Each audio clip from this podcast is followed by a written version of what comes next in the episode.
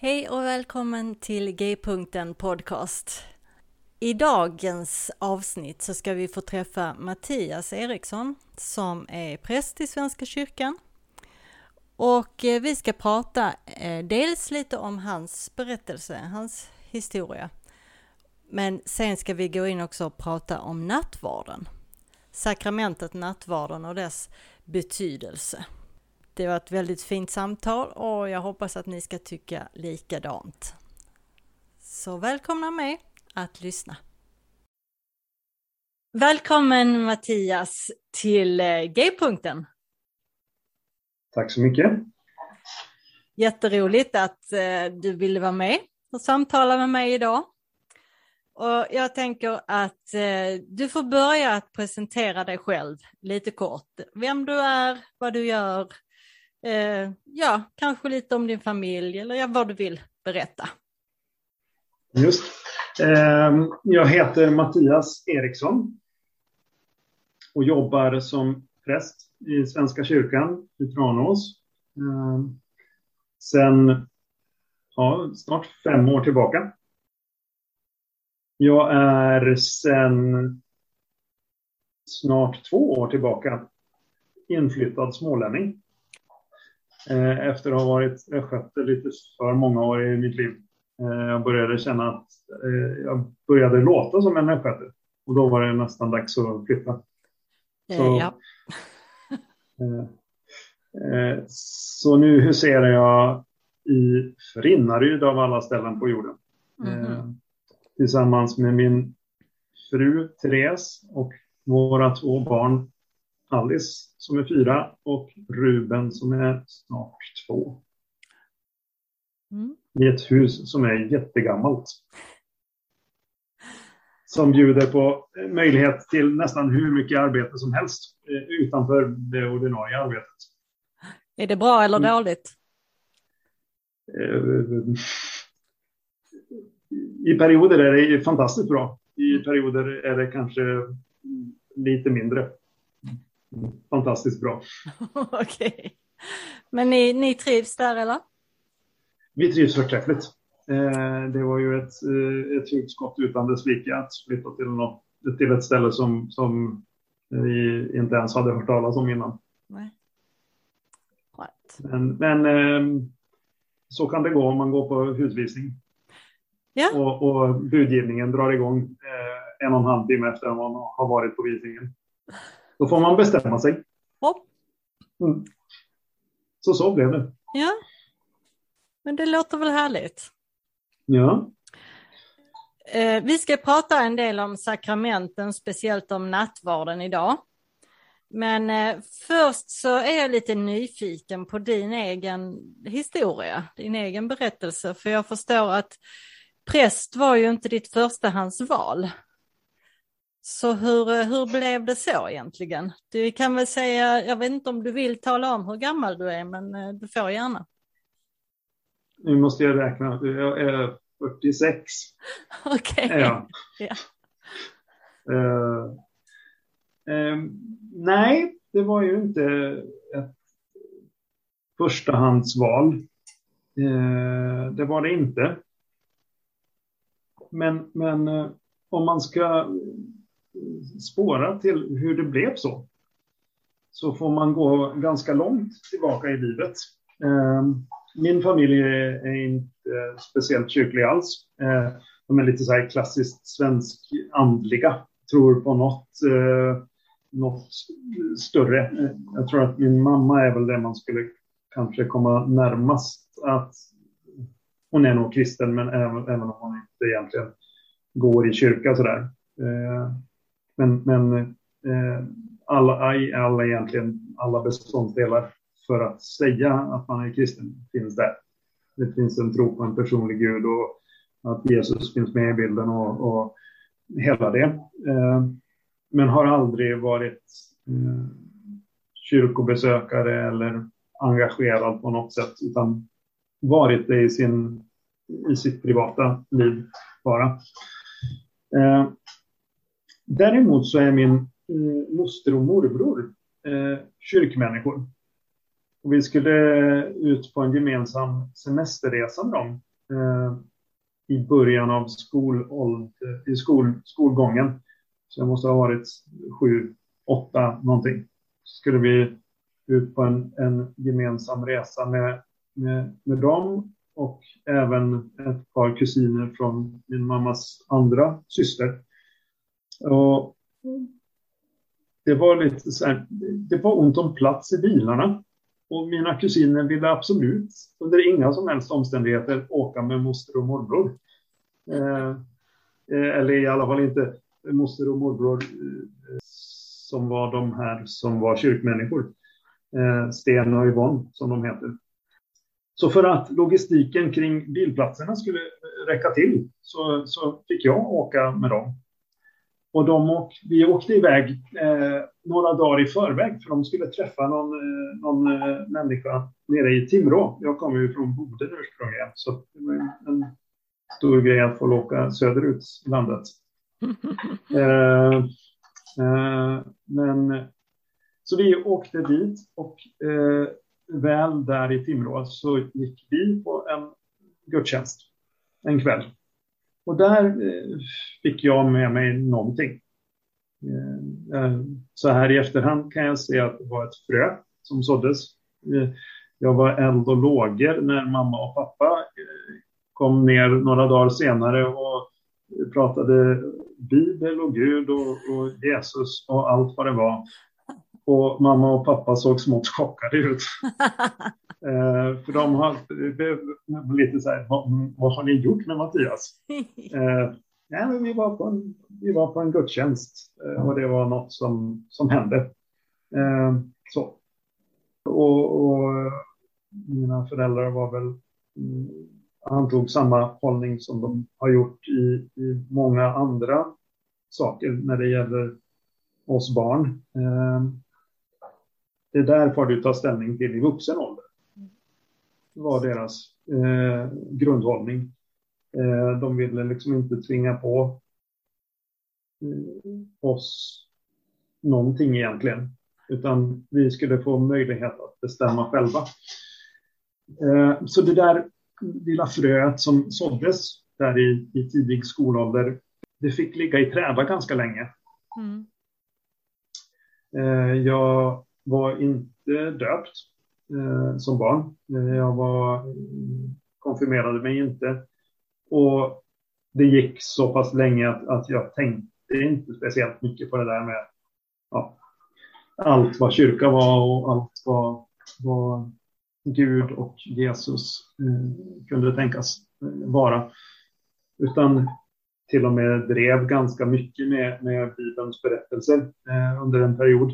Eh, men och började, började studera i Linköping och då var tanken snarast att eh, gå in på teknikbana. Eh, började läsa datateknik och gjorde så ganska länge, ett par år. Sen insåg jag att nej, men det där med att prata med datorer, det var inte heller riktigt min grej. Okay. Eh, I, I, alla fall inte säga åt dem vad de skulle göra, för det var jag ingen bra på. Eh, däremot så var jag ganska bra på matematik. Mm. Eh, så jag gick över till att, att läsa på matematikprogrammet i Linköping. Och han går där ett par år innan det också började kännas som att det här är inte heller riktigt jag. Men då kom en, en sån där puff i rätt riktning om man får säga så. Eh, min syster hade då vid det här tillfället en amerikansk pojkvän som hade varit kyrkligt aktiv i sin ungdom. Han hade blivit biologilärare och lämnat kyrkan. Men han var fortfarande intresserad av det som ett sociologiskt liksom, fenomen. Eh, och han var och besökte oss en jul och tyckte, ska vi inte gå till kyrkan? Så vi gick på en julotta. Jag, eh, Hanna och Greg. Eh, och gick med till ja, kyrkkaffet efteråt. Och under den där julottan så, så var det något som hände med det där lilla fröet som hade såtts i sju, åtta års åldern. Det gjorde sig påmint.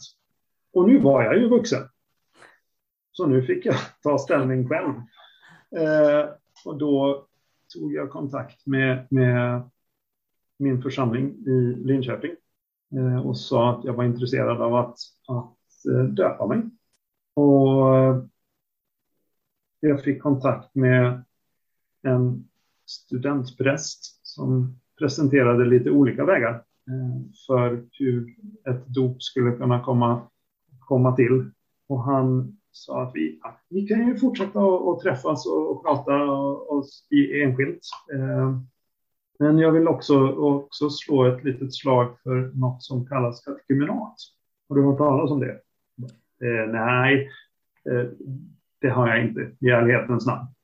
Eh, så. Nej, men det är en, en, en, en relativt ny eh, pedagogik för att låta vuxna möta kristen tro. Inte riktigt som en alfakurs som blir väldigt mycket faktapackning, utan det här är, liksom, utgår ifrån från de som kommer och söker sig till kyrkan, deras erfarenheter och deras frågor. Och under vårt samtal så, så landade det nog ändå i att ja, men, eh, det här med katekumenat låter väl som en, en, en bra grej. Eh, att få dela andras erfarenheter av sökande och, och tankar kring tro och tvivel. Men den här kontakten hade jag ju då tagit i, i eh, ganska tidigt efter att jag kom ner, alltså någonstans i slutet av januari kanske, början av februari. Eh, och så som det var upplagt då så, så startade de här katekeminatsgrupperna på hösten.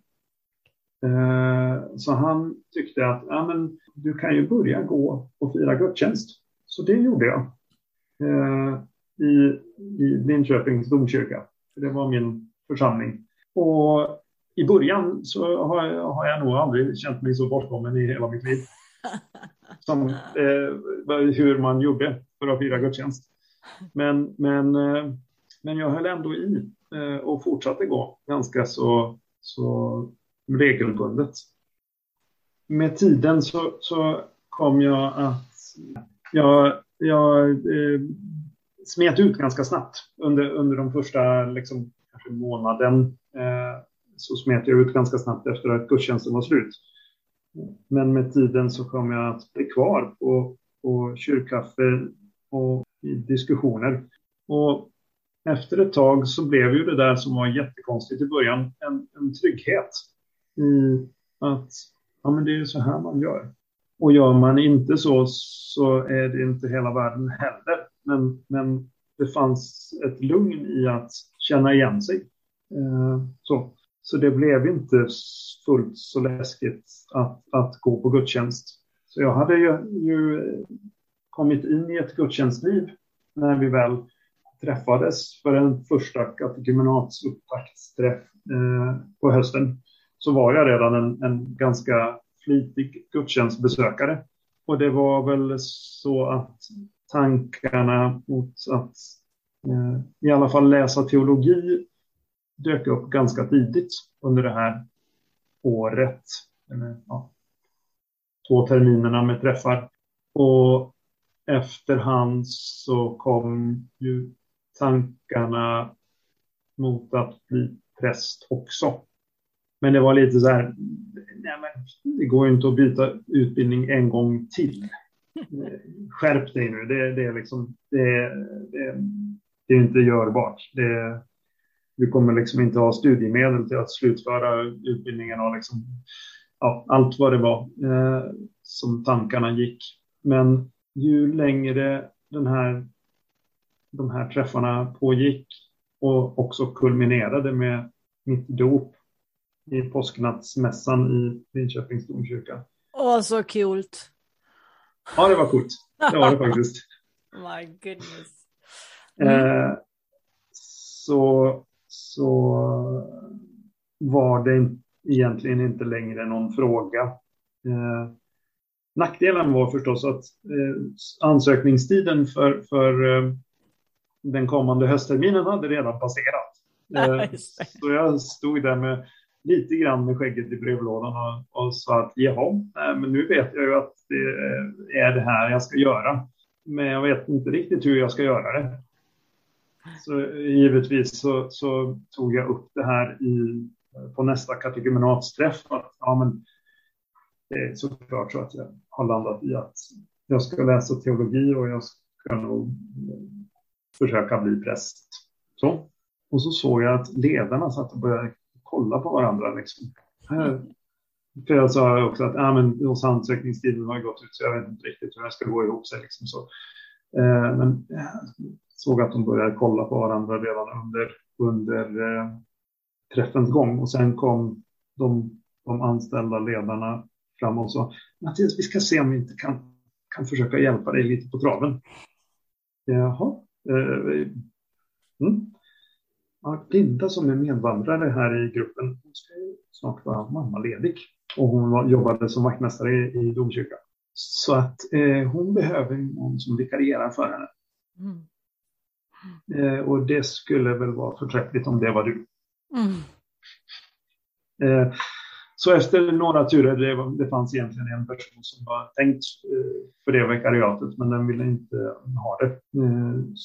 Så jag fick möjligheten att, att jobba som vaktmästare i, i, i domkyrkan och lite grann pröva kallelsen innan det var dags att söka. Men eh, sen blev det ändå en ansökan till kommande hösttermin och på den vägen är det. Jag fortsatte ha kontakt med den där första studentprästen som jag träffade och, och samtalade med. Eh, och han övertalade mig att, att jag nog trots allt skulle följa med på en, en uh, resa med kyrkan på universitetet uh, till TC. Ah. Det var, var, ju en upplevelse. Uh, fantastisk och, och, och jättekonstig på sina sätt. den som in, inte har varit i TC kan nog inte förstå hur långt tio minuter i tystnad kan vara när man sitter på golvet tillsammans med 150 andra. Mm. Det är, kan vara jätte, jättelångt och mm. jättekonstigt. Men sen kan man hitta en, en vila i det också. Och det konstigaste var ju förstås att under den här resan till TC så träffade jag en person som bodde högt räknat 800 meter från mig i Linköping.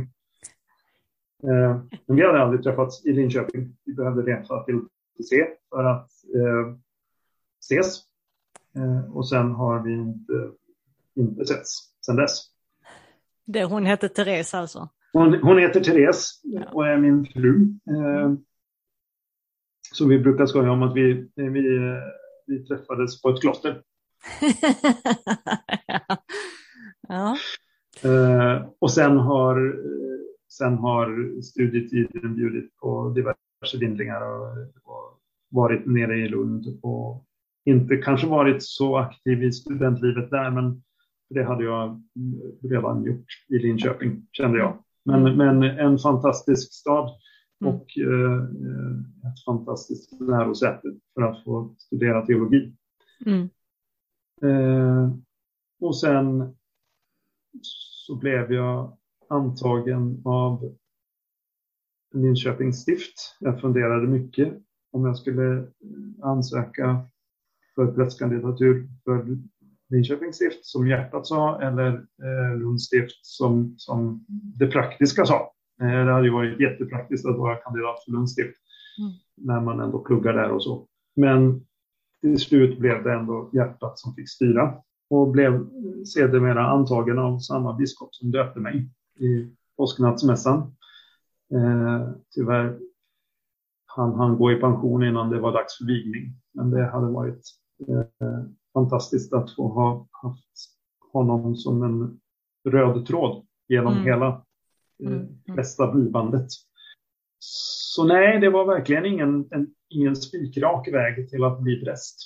Nej. Det, det, var, eh, har varit en bra väg. Ja. Ändå, ja. tycker jag. Och du trivs eh, med det du gör nu, där du är och så? Eller? Eh, ja. Vågar du säga det? ja, eh, det är fantastiskt att vara i Tranås. Ja, eh, och, eh, och också fantastiskt att få har fått en ny utmaning sedan sen förra hösten. Att Ja, vara församlingsherde för, för två av våra församlingar, Adelöv och Linderås. Mm. Och ett särskilt ansvar för, för livet där. Och i övrigt så är du omringad av kvinnliga präster. Jajamän. Ja, Det kan inte bli bättre. Nej, det är, jag och, och eh, Hanna, Susanne och Tina ja. eh, som är prästerskapet här i Tranås. Eh, fantastiska kollegor. ja härligt. Någonting i din eh, prästgärning som eh, ligger dig väldigt varmt om hjärtat vad jag förstår, det är ju eh, sakramenten och speciellt nattvard. Ja, Och är jag tänkte vi skulle prata lite om det. Det finns ju, kärt barn har ju många namn. Mm. Vi kallar det nattvard, vi kallar det Herrens måltid, vi firar mässa, vi har eu- eukaristin. Eh, Mm. Ja, jag kan inte komma på fler, men det finns säkert. Men eh, berätta lite om, om eh, varför du, du känner så starkt för just mässan. Jag, jag, du la ut på Instagram för ett tag sedan att första gången efter pandemin liksom, så har vi fått fira mässa en söndag förmiddag i kyrkan live. Liksom. Och att det var Ja. väldigt significant, det var väldigt så här för, för dig. Och eh, så berätta lite för oss hur det ligger till. varför, varför, varför jag tycker nattvard är så fantastiskt. Ja, Eh, precis. Ja. Eh, jag, jag, är ju, jag tycker det är fantastiskt att fira gudstjänst överlag. Mm. Men jag, jag tycker att, att när vi får fira mässa, det vill säga när vi får ta emot nattvarden, så, så är det något lite extra. Och, och mitt resonemang är ju, eh, bygger egentligen på att, eller mitt, mitt resonemang kring det bygger på att, att det där med, med det förkunnade ordet, det är ju någonting som eh, förkunnaren eh, har ganska liten kontroll över. Hur det uppfattas eh, eller upplevs och tas emot av, av de som lyssnar till det. Eh, och jag kan ju utan omsvep säga att det finns i, i min, min gudstjänstfirande har funnits många exempel på eh, predikanter som, som predikar på ett sätt som jag inte får med mig någonting alls av. Och det finns andra predikanter som ger mig otroligt mycket när de predikar. Eh, så det, där, det, det slår otroligt mycket för egen del. Men att när vi får fira nattvard så finns det någonting som jag inte behöver försöka förstå. Inte, be- jag, jag behöver inte försöka förstå vad, vad menar predikanten nu. Eh, i, finns det någonting som är, ligger dolt i, i, i det som sägs? Utan i nattvarden så får jag bara ta emot. Till och med när jag inte orkar, orkar försöka förstå så kan jag öppna mina händer, ta emot brödet, Kristi kropp för dig utgiven. Ta emot kalken, Kristi blod för dig utgjutet. Inget krav på någon motprestation, inget behov av att förstå. För det går inte att förstå. Det är så stort så det går bortom allt förstånd. Och det är det som, som jag, jag tycker är så fantastiskt med nattvarden. Även när jag inte orkar egentligen alls, så finns den där. Orkar jag inte få med mig ett endaste dyft från predikan, så kan jag få med mig Guds närvaron i brödet och vinet från en mässa. Mm. Och därför eh, så har det varit ett, ett eh, eh, otroligt påfrestande att inte få fira mässa under det ett och ett halvt år som vi inte har kunnat göra det på grund av pandemin. Liksom. Det har varit, ja, det har varit otroligt jobbigt. Mm. Ehm, inom katolicismen så pratar man ju om transsubstantiationsläran. Yep. Kunde ordet. Ja. Ja. Eh, sen har man väl lite olika eh, tolkningar på, på det också förstås. Eh, mm. hur, men, men eh, i, st stora drag att eh, brödet och vinet verkligen blir Jesu kropp och blod. Även, mm. Även om man kanske inte säger det så mycket numera utan att det mer är på ett andligt sätt. Mm. mm.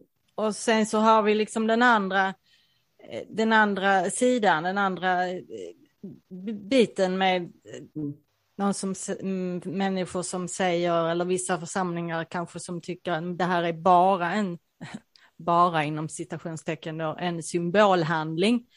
Eller ja. så här minnes, så här, gör det till minne av mig så. Mm. Mm. Eh, och att det inte spelar så stor roll, eller att man inte gör det så ofta, för det är ju ändå bara en symbolhandling. Mm. Eh, men, men för dig, var, ligger du liksom någonstans där mittemellan eller ligger du närmare eh, det katolska tänkandet? Um, oj, eh, det, um, uh, vi har, om, om man går till Svenska kyrkan som samfund, eh, som ju är en luthersk eh, kyrka, eh, ett evangeliskt lutherskt samfund, så ligger ju synen på nattvard skulle jag säga, ganska nära den romersk-katolska. Eh, båda, båda samfunden pratar om att, eh, att det i nattvarden finns något som man med teologiskt fikonspråk eh, kallar realpresens. Att Kristi kropp och blod finns faktiskt närvarande i brödet och vinet. Det, det, det, och då, det, det skär bort alla eh, tolkningar att, att nattvarden är bara symbolisk, utan mm. Kristi kropp och blod är närvarande i brödet och vinet. Och eh, jag har väl redan i det jag har sagt gett en indikation om var, var jag står i, i frågan. Eh, eh, eftersom jag ju pratade om att jag kan få med mig Guds närvaro eh, när jag har tagit emot eh, brödet och vinet. Så jag, jag personligen ligger ju alltså i, i, i fåran eh, att, att Kristi blod, kropp och blod är faktiskt närvarande i, i nattvardselementen. Eh, men sen är det precis som du sa, att, att under 1200-talet typ, så blev det här en, en eh, teologisk knäckfråga. Eh, när under skolastiken, där, där man funderade på hur Kristi kropp och blod finns närvarande i nattvardselementen. Och eh, du nämnde transubstantiationsläran som är en eh, gängste i katolska kyrkan eller den romersk-katolska kyrkan. Eh, som säger att även om, om brödet och vinet fortfarande ser ut som bröd och vin så har de till sitt väsen förvandlats till Kristi kropp och blod det är en ganska rättfram tolkning. Eh, eh, och, och, på många sätt en mycket mer, mycket mer rättfram än den, den som är rådande i till exempel Svenska kyrkan som går under det nästan ännu värre eh, namnet konsubstantiationsläran. Att, de, att Kristi kropp och blod finns närvarande tillsammans med brödet och vinet. Okay. Eh, så de har inte liksom till sitt väsen förvandlats till, till Kristi kropp och blod. Utan de finns, Kristi kropp och blod finns med i bröd och vin också. Uh, det, det, det, och det här var liksom en, en, en stor knäckfråga uh, på 1200-talet. Men idag skulle jag säga att man, det är ingen stor grej att, att framhålla skillnaderna. Jag skulle inte säga att den frågan i, i, i längre är kyrkoskiljande. Utan Nej. vi kan acceptera varandras nattvardssyn eh, så länge vi faktiskt säger att Kristi kropp och blod är faktiskt närvarande i nattvardselementen. Mm. Eh, om det sen är eh, bröd, bröd och vin har förvandlats till sitt väsen eller att Kristi kropp och blod finns med i brödet och vinet eh, utan förvandling det, det är hårklyverier. Liksom. Mm, mm, mm. Men sen finns det ju eh, då bland annat reformerta kyrkor som är eh, helt framhåller att, att det är en symbolhandling. Eh, det är Kristi närvaro. Kristus finns på ett ställe i, i, i, hos Fadern.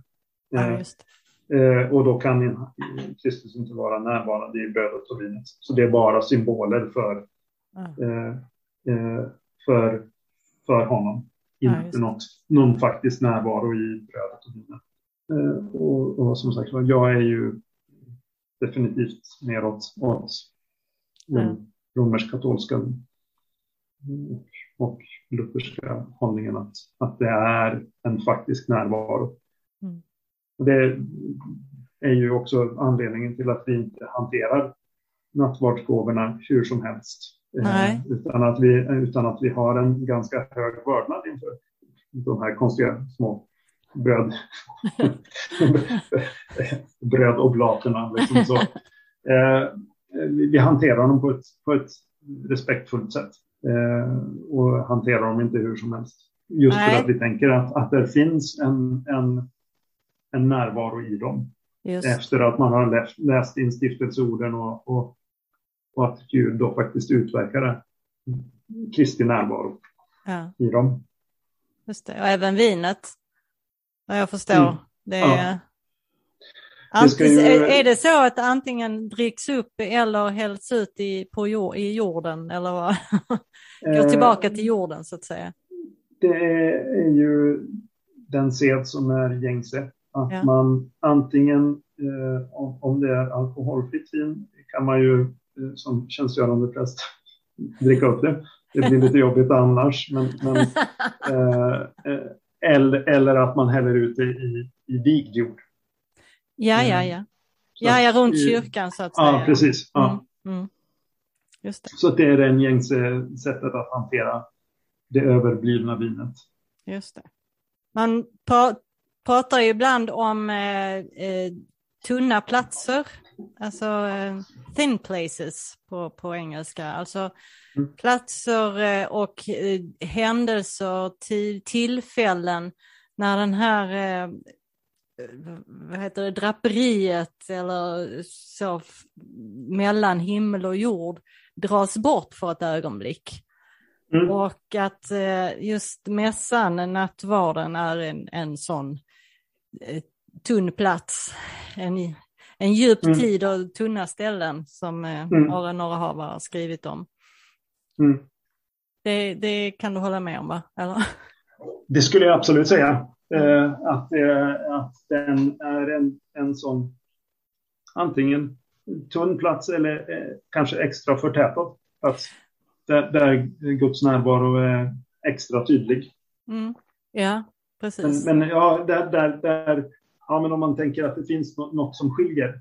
Eh, ja, precis. Som i vanliga Guds fall. Ja. ja. I vanliga eh, fall våra... så är draperiet för, liksom, ja, men, ja. men här dras det ifrån och vi är, det finns ingenting emellan oss. Nej, och, så, så då, då köper jag helt, helt eh, det rakt av. Yes! Mm. eh, det, det talas ju också om eh, att leva ett sakramentalt liv. Mm. Att, att man liksom de här, det, sakrament är ju en helig handling, eh, mm. vad jag förstår. Och att eh, just få ta emot nattvarden och så, det är liksom en helig handling där, där Guds närvaro är, är mitt i och så. Man får ta emot. Mm. Men att det mm. sen går ut i händerna och i fötterna så att det liksom ger någon slags eh, det, det påverkar oss i livet. Så att hela livet blir något slags sakramentalt, en helig handling. Mm. Eh, så att vi verkligen kan vara då Guds närvaro för människor. Mm. Det, det, är väl lite det som är också kyrkans budskap på något sätt. Eller? Ja, jag skulle säga att, att eh, det, det, är en, det, är ju en, en grundtanke ja. Eh, med, med nattvarden. Precis som du säger, det är ett sakrament. Alltså en, en handling som har ett tydligt löfte från Jesus eh, knutet till sig när vi utför den. Och nattvardens löfte är ju syndernas förlåtelse. Allt det där som vi vet blev fel, allt det där som vi kanske anar och allt det där som vi absolut inte vet någonting om. För att vi inte vet vad som rör sig i en annan människa. Det lyfts bort. Och så är det ett, ett rent blad och nya möjligheter. Mm. Det tänker jag är, är, är kyrkans budskap med nattvarden. Eh, att den ger, ger nytt liv med Kristus. Och det visar ju sig i hur man lever förhoppningsvis. Det är ju bra om det får göra det. Det är tanken, ja. Mm. Det finns ju eh, dels samfund, då, kristna samfund som inte förvaltar nattvarden. Mm.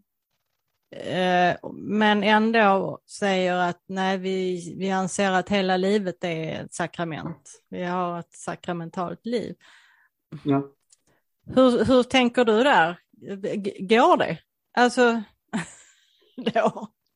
Eller det gör det mm. kanske. Det är klart, det finns ju flera, flera sakrament kanske inte behöver precis vara nattvarden, eh, eller? Jag, jag tänker i, i, alla fall i, i mitt liv mm. eh, och, och med mig som person så landar jag i, alltid i att jag behöver ta emot mm. först för att kunna ge vidare sen.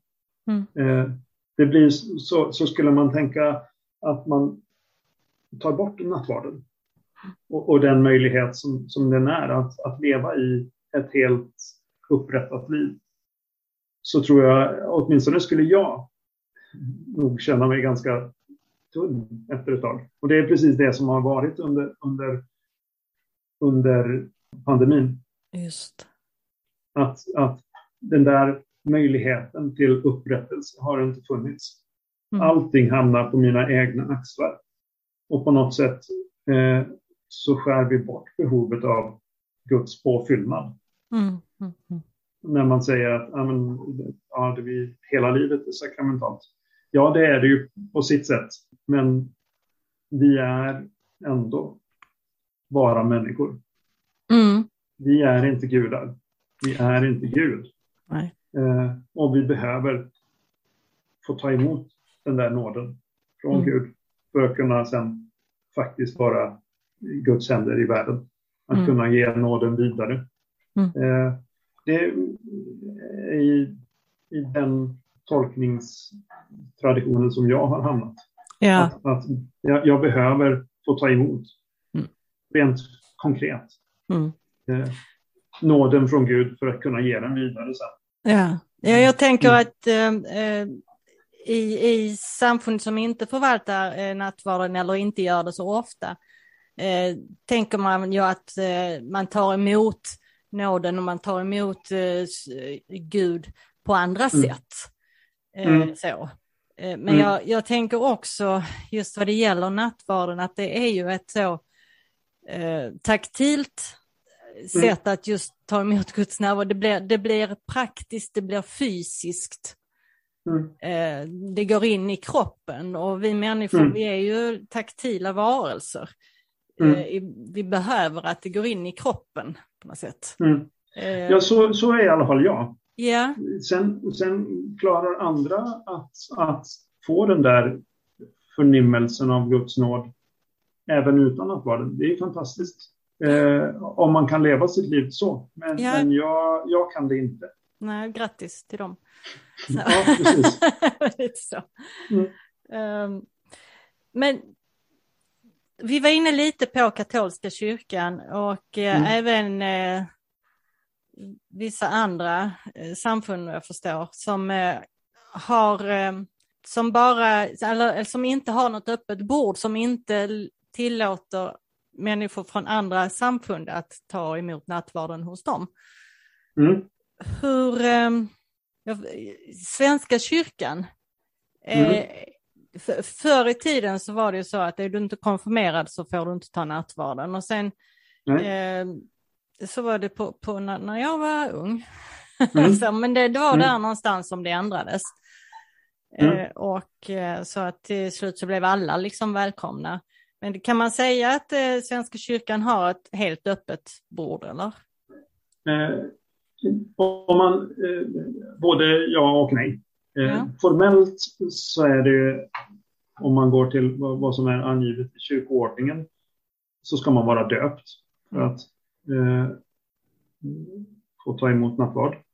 Men eh, i praktiken så är det ju ingen som frågar när det kommer en ny människa till, till, eh, till nattvardsutdelande. Är du döpt? Nej. Så, så, så rent formellt eh, så är det inte helt öppet.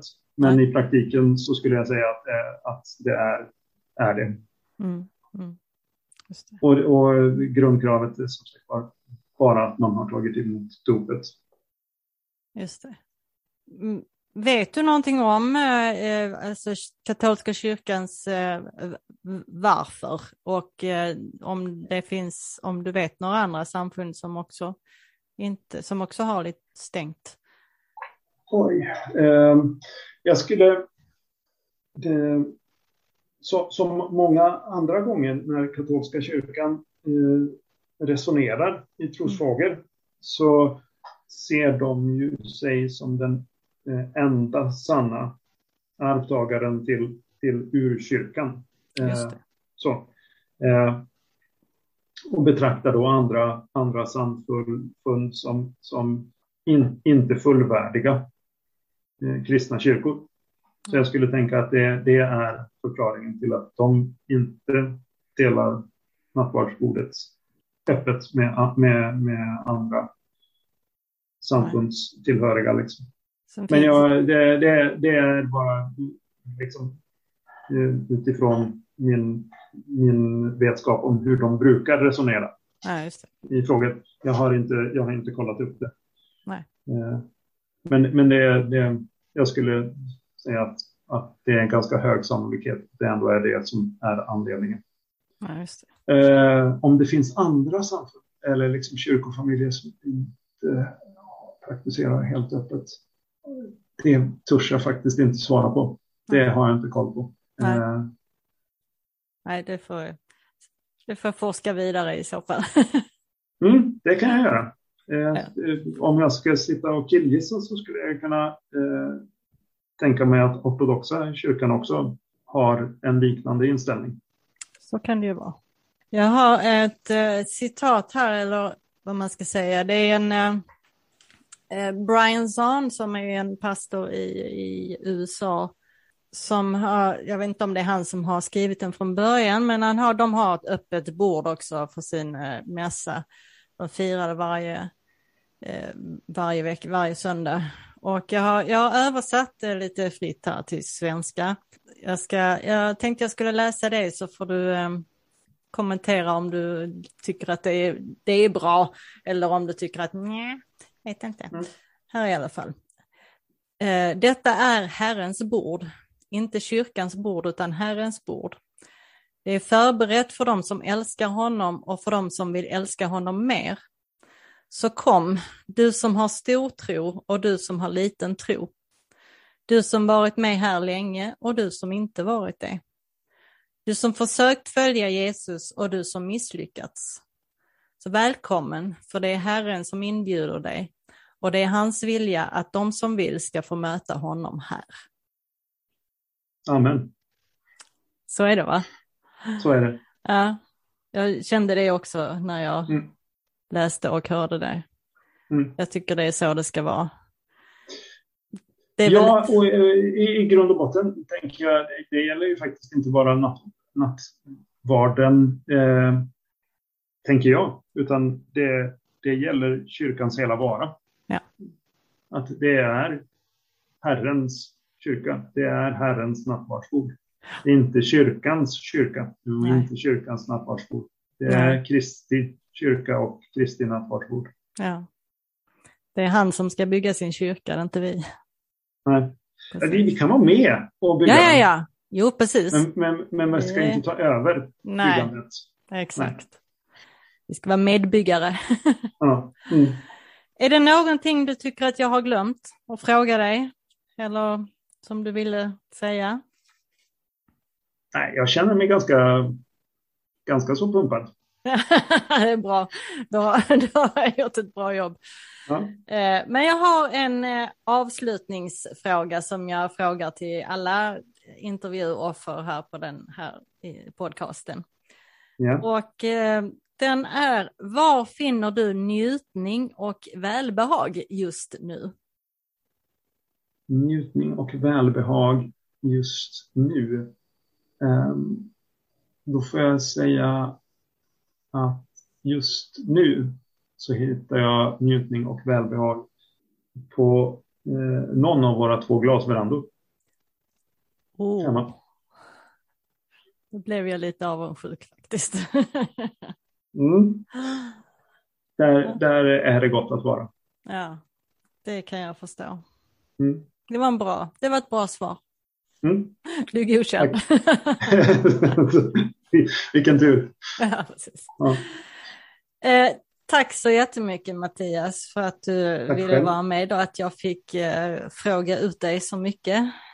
Absolut. Och, eh, du, får gärna, ja, du får gärna komma tillbaka om du vågar och vill en annan gång. Det är kanske är något annat eh, ämne. Mm. Så, eh, men eh, ha en fortsatt bra dag så Tack detsamma. ses vi igen. gör vi. Hej då. Hej då. Så har du lyssnat till ännu ett avsnitt av G-punkten podcast. Eh, jag hoppas att du tyckte om det. Tyckte att det var lika intressant som jag tyckte. Och eh, välkommen då tillbaka nästa vecka när vi kommer med fler intressanta avsnitt. Ha det bra så länge och grace and peace my friends.